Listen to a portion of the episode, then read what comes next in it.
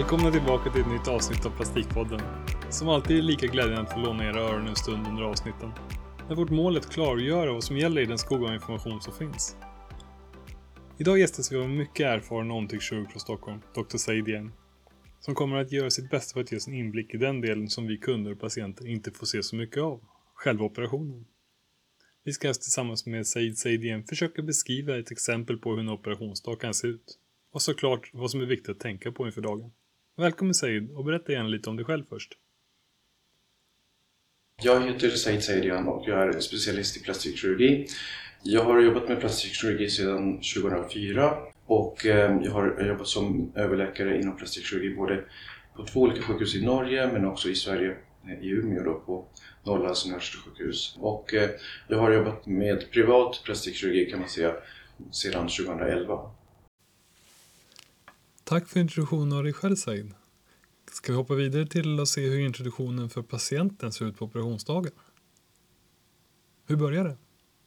Ehm, när man anländer till kliniken då så är man oftast fastande då och eh, vi, eh, vi har ju en del, för, liksom för patientsäker, i patientsäkerhetsfrågor så har vi en del rutiner då som man ska följa och bland annat att man ska vara fastande för sex timmar före eh, när, man, när man kommer till kliniken.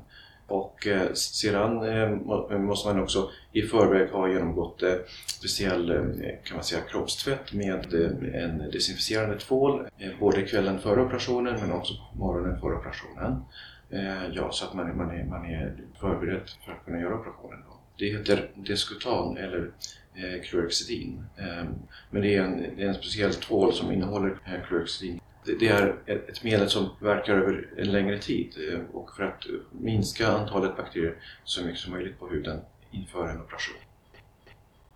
När man kommer in på morgonen mm, så får man eh, först blir man visad in till sitt rum eller eh, Eh, att man eh, stannar i väntrummet tills man blir hämtad av sin kirurg. Då. Eh, och sen får man börja med att prata lite grann om den planerade operationen, bara stämma av med patienten och kolla att allting känns bra. Men många patienter är ju oftast nervösa på operationsdagen så man får försöka lugna dem ehm, så att de ska, kunna, de ska känna sig trygga i situationen. Och, och sen många gånger så behöver man göra en preoperativ markering eh, på huden eh, och planera eh, inför den operation som ska utföras.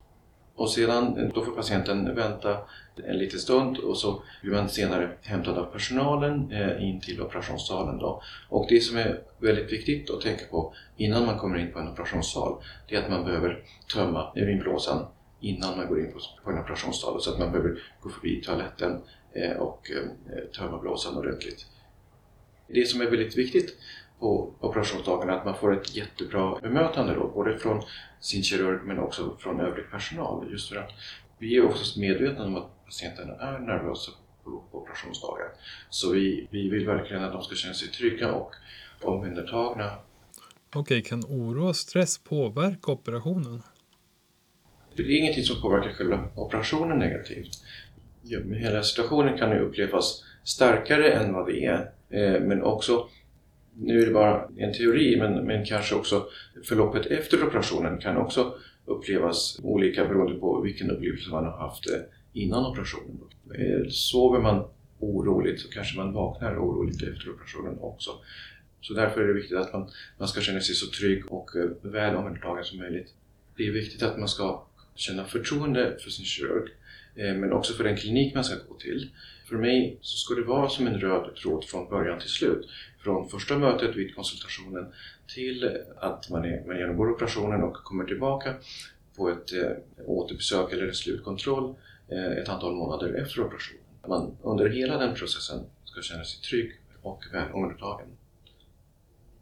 Från det när man kommer in på operationssalen, så det första som sker eh, antingen precis efter att man har kommit in på salen eller strax innan, det är att man får en eh, Eh, infart i armen eh, där man kan få läkemedel eh, som är viktiga för själva sövningen, narkosen. Och sedan efter att man har blivit sövd så börjar operationssjuksköterskan att tvätta operationsområdet då med sprit. Och, och, det är väldigt viktigt att man gör en bra rengöring för att man vill arbeta i en steril miljö och eh, sedan dukar man eh, med sterila dukar så att det är bara operationsområdet som är framme. Och vad börjar du med i operationssalen? Så gott som alltid så börjar jag med att lägga bedövning.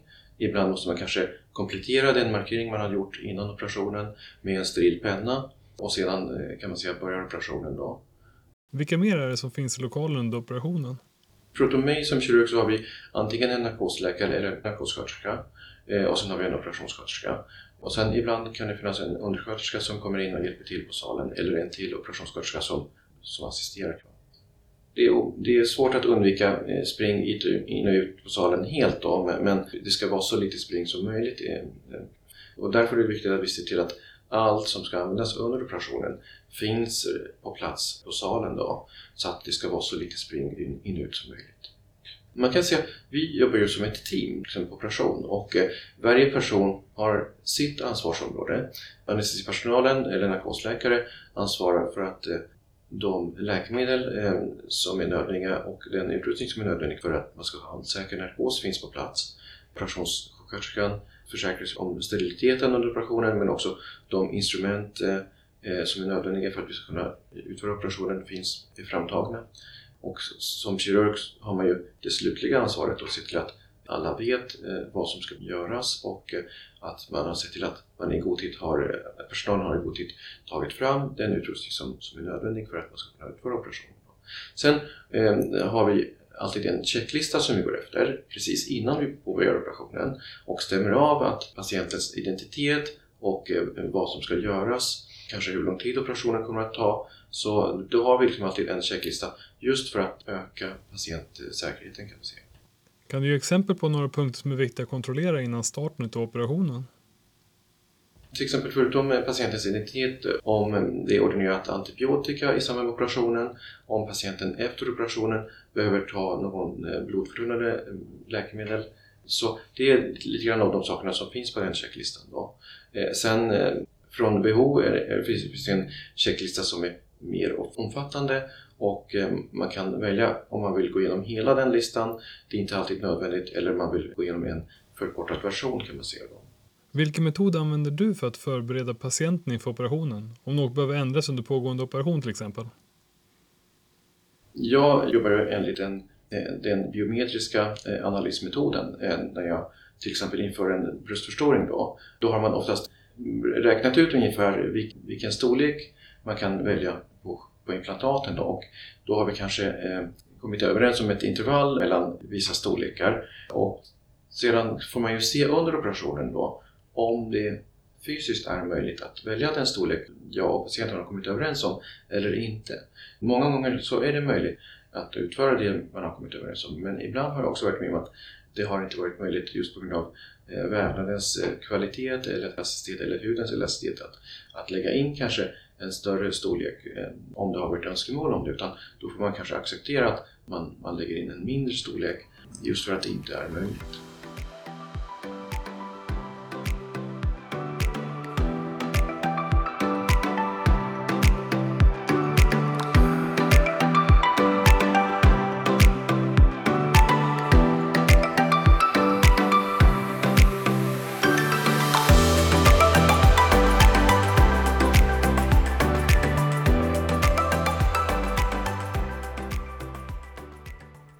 Viktigt att, att man som patient är påläst eh, och försöker ta rätt på så mycket information som möjligt inför en operation. Då. Och sen är det ju mitt ansvar som kirurg att se till att patienten får så mycket, så mycket möjligt information inför en operation för att underlätta patientens beslut. Är det några slutgiltiga detaljer som du själv går igenom innan operationsdagen påbörjas? Det är väldigt viktigt att man är, man är väl förberedd som kirurg på operationsdagen så att Innan operationen så har jag gått igenom eh, till exempel bilder som jag tagit för dokumentation eh, inför operationen, patientens journal, jag stämmer av alltid med patienten innan, allt vi har kommit överens om eh, och under själva operationen då har jag full fokus på patienten. Och jag går in för att det ska bli absolut bästa möjliga resultat för varje patient. Ja, just det. Har du något motsvarande till avslutet av operationen? När man har gjort det som man har kommit överens om och planerat för precis innan man ska avsluta operationen så, så ser man ju liksom om, om det ser bra ut eller inte. Om man behöver göra någonting ytterligare för att eh, förbättra resultatet så måste man ta ett beslut om det innan man avslutar operationen. Då.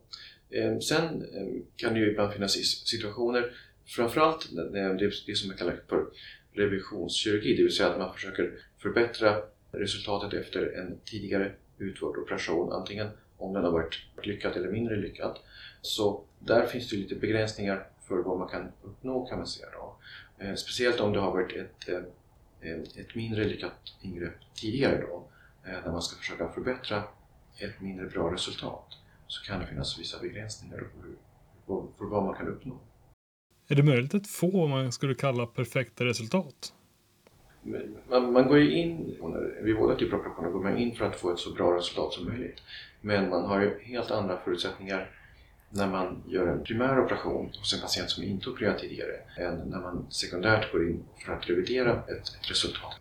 Beroende på utgångsläget så kan det vara olika typer av eh, planering för vad som behöver göras. För att vid revisionsoperation att man behöver göra mycket, mycket mer än vid en primär operation. Men med åren, i och med att man har fått större erfarenhet, eh, så är jag en av de kirurger som tar emot många patienter som vill göra revisionskirurgi eller förbättrande kirurgi efter kanske tidigare mindre lyckat resultat. Hur bör man som patient ställa sig inför detta steg till att operera sig alltså? Det är ju viktigt att man som patient har realistiska förväntningar för att det finns en gräns för hur mycket jag som kirurg kan uppnå. Och återigen, om det är bra förutsättningar eh, så är chanserna större eh, till att vi kan få ett bra resultat. Men är det mindre bra förutsättningar så är chanserna mindre då. Vi ska kunna få ett perfekt resultat, eller ett bra resultat. Det är svårt att definiera vad som är perfekt men, men eh, ibland eh, är det inte alltid kanske möjligt att uppnå det resultat som patienten önskar för att förutsättningarna inte är eh, optimala. Det finns inte liksom optimala förutsättningar för att man ska kunna få det resultat patienten önskar. Då. Därför är det väldigt viktigt att man som patient har realistiska förväntningar och att man som kirurg kan förmedla realistiska förväntningar till patienten för att eh, undvika framtida missförstånd och missnöje. Okej, okay, tack för den insikten Said. Kan du eh, dela med dig lite grann av hur själva avslutningen i operationssalen ser ut? När operationen är eh, avslutad då har man oftast lagt på ett förband, tagit på eh, till exempel BH eller gördel beroende på vad det är för typ av operation. Och sedan kommer patienten in på eh, uppvakningsavdelningen, är där kanske någon timme. Och det, det där kan ju se lite olika ut på olika kliniker och ibland kan patienterna komma in på ett eget rum eller ett, ett rum där de delar med en annan medpatient och eh, ibland eh, är man på uppvakningsavdelningen tills man är, man är klar för att kunna åka hem. Och eh, jag har alltid som rutin att träffa patienten på operationsdagen lite senare då när de, när de är piggare och, och eh, att vi kan gå igenom hur allting har gått men också gå igenom en del råd och instruktioner som man ska eh, ta med sig då, eh, som man ska tänka på när man kommer hem då. Vilka restriktioner som, som man ska följa för att eh, inte äventyra operationsresultatet kan man säga. Ja, då har vi en ganska bra sammanfattning på operationsdagen. Är det någonting som eh, patienten ska ha med sig i åtanke då inför den här operationsdagen? Det är viktigt att man läser igenom den skriftliga information som man får eh, på konsultationen då. Just det, vilka saker man ska tänka på inför eh, operationsdagen. Det är ju till exempel att man ska undvika vissa läkemedel från med två veckor innan operationen. Vissa, vissa hälsokostpreparat behöver man undvika från två veckor innan operationen.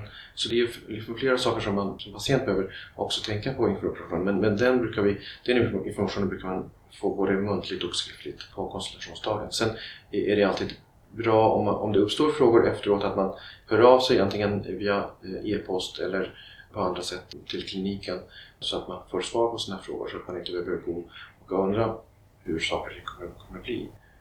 Man ska inte dra sig för, eh, för att kontakta mig som kirurg eller kliniken om man har frågor inför sin, inför sin operation. Mycket av vårt arbete går ut på att minimera riskerna för komplikationer. Man kanske aldrig kan helt och hållet garantera att det inte blir några komplikationer men, men vårt arbete går ut på att få ett så bra resultat som möjligt men också minimera riskerna för komplikationer så mycket som möjligt. Så därför är det väldigt, väldigt viktigt att man är påläst eh, man har gått igenom den här informationen inför operationen för att den är framtagen Eh, just för att man ska få ett så bra resultat som möjligt. Till exempel om en patient kommer till kliniken och inte är fastande enligt de instruktioner som vi har gett eller att man inte har gjort den här kroppstvätten med den här specialtvålen som vi har ordinerat är det ju inte säkert att utföra operationen. Alltså medicinskt sett är det inte säkert att utföra den operationen på ett bra sätt och då måste vi kanske be patienten återkomma vid ett senare tillfälle där man har följt alla instruktioner som, som vi har bett. Super, tack så mycket. Har du några tips för den som eh, sitter och överväger att eh, gå på konsultation eller kanske till och med att operera sig?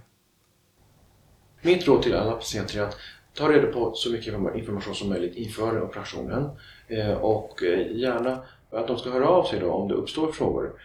För att jag, jag besvarar gärna alla frågor just för att man ska kunna känna sig så trygg och säker som möjligt på operationsdagen. Tack så mycket Said. Det var en uppskattad insikt i din vardag. Jag tror att alla ni lyssnare som funderar kring denna dag nu fått lite mer klar bild av vad som väntar. Och kom ihåg, konsultera alltid en erfaren kirurg för att få veta mer om just dina förutsättningar. Tills nästa gång, njut av en härlig höst.